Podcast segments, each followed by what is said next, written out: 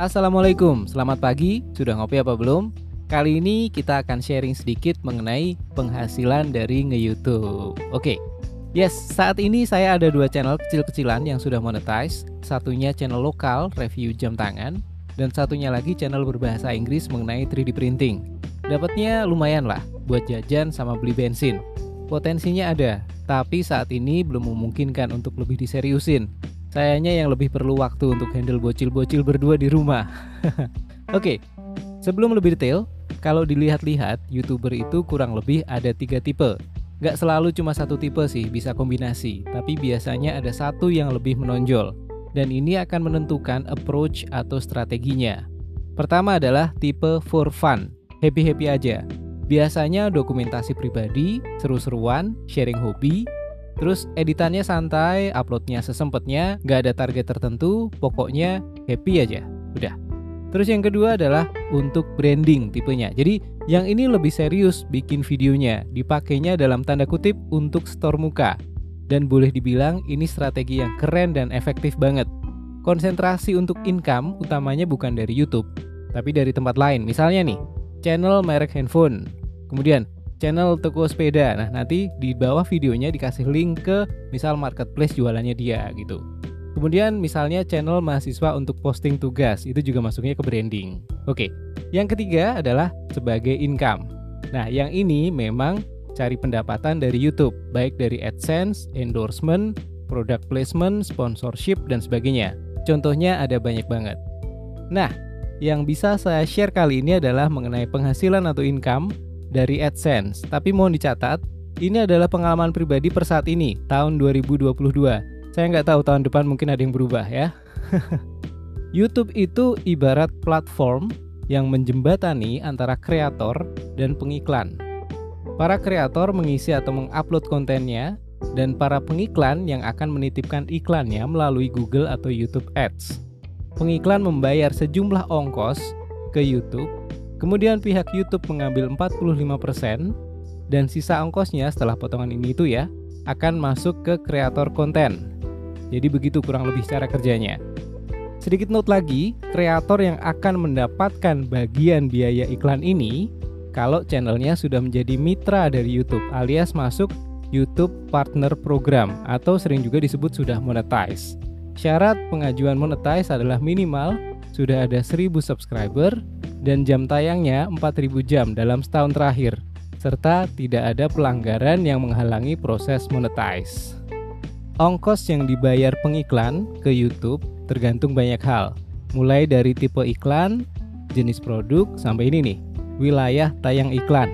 Misalnya nih, sama-sama iklan handphone, tapi yang satu tayang di penonton di Indonesia, itu akan beda ongkosnya dengan kalau tampil di handphone yang penontonnya adalah orang Malaysia, Singapura, Amerika, Jerman, dan sebagainya.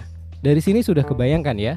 Jadi pengiklan, pasang iklan ke YouTube, bayar ongkos tertentu sesuai tadi ya, wilayah, kemudian jenis produk dan sebagainya, dan sebagiannya akan masuk ke kantongnya konten kreator yang sudah monetize tentu saja. Lanjut, ini ada istilah khusus namanya CPM dan RPM. CPM itu cost per mil. Istilah ini dari sisi pemasang iklan. Artinya adalah biaya untuk pasang iklan per seribu kali tayang. Sementara RPM itu revenue per mil. Istilah ini dari sisi konten kreator. Artinya perkiraan pendapatan per seribu kali view videonya. Nah, di Indonesia, biaya pasang iklan ke YouTube itu termasuk murah. Misal nih, teman-teman punya usaha nasi goreng rempah gitu ya, atau misal distro baju, atau mungkin snack kekinian dan sebagainya. Terus mau pasang iklan di YouTube, pasang aja. Ongkosnya termasuk murah kok. Di sisi lain, efeknya pendapatan atau RPM-nya konten kreator juga menyesuaikan. Nah, ini mungkin bagian yang ditunggu. Kalau kita sebut angka, angka nih ya, sekitar 4.000 sampai 7.000 rupiah per 1000 view atau 4 sampai 7 rupiah per view.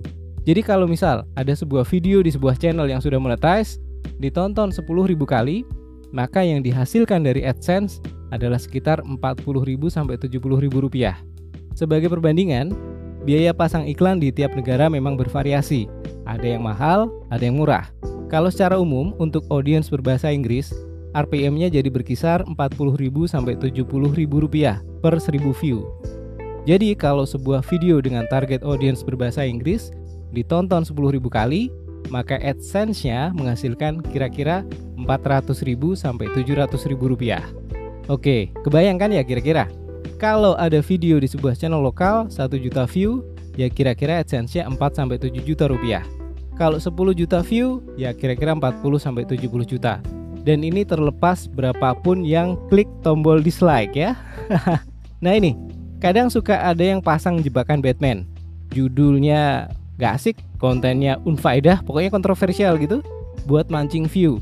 Gak peduli banyak yang dislike, yang penting view masuk terus, dan kadang-kadang ujungnya kalau nggak kasus hukum ya dicela gitu ya.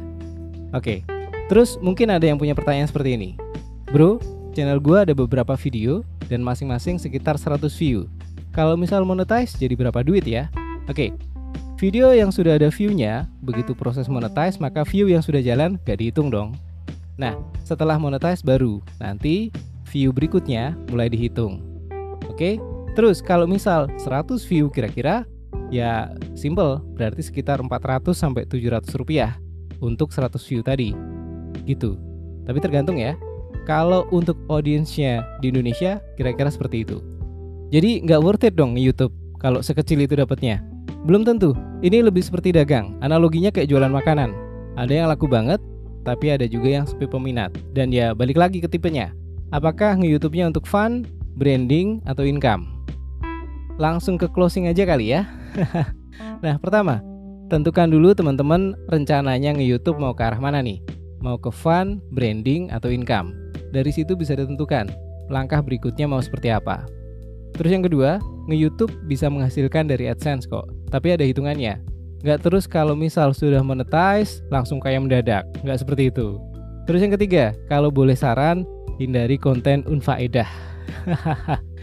terus, bagaimana mengenai cara selain AdSense, misal nih, sponsorship, endorsement, product placement, dan sebagainya? Mohon maaf saya nggak bisa jawab, pengalamannya nggak cukup. Itu saja. Mohon maaf kalau endingnya masih ngegantung. Semoga yang sedikit ini bisa diambil manfaatnya. Sampai ketemu di episode berikutnya. Jangan lupa ngopi, jangan lupa happy. Wassalamualaikum.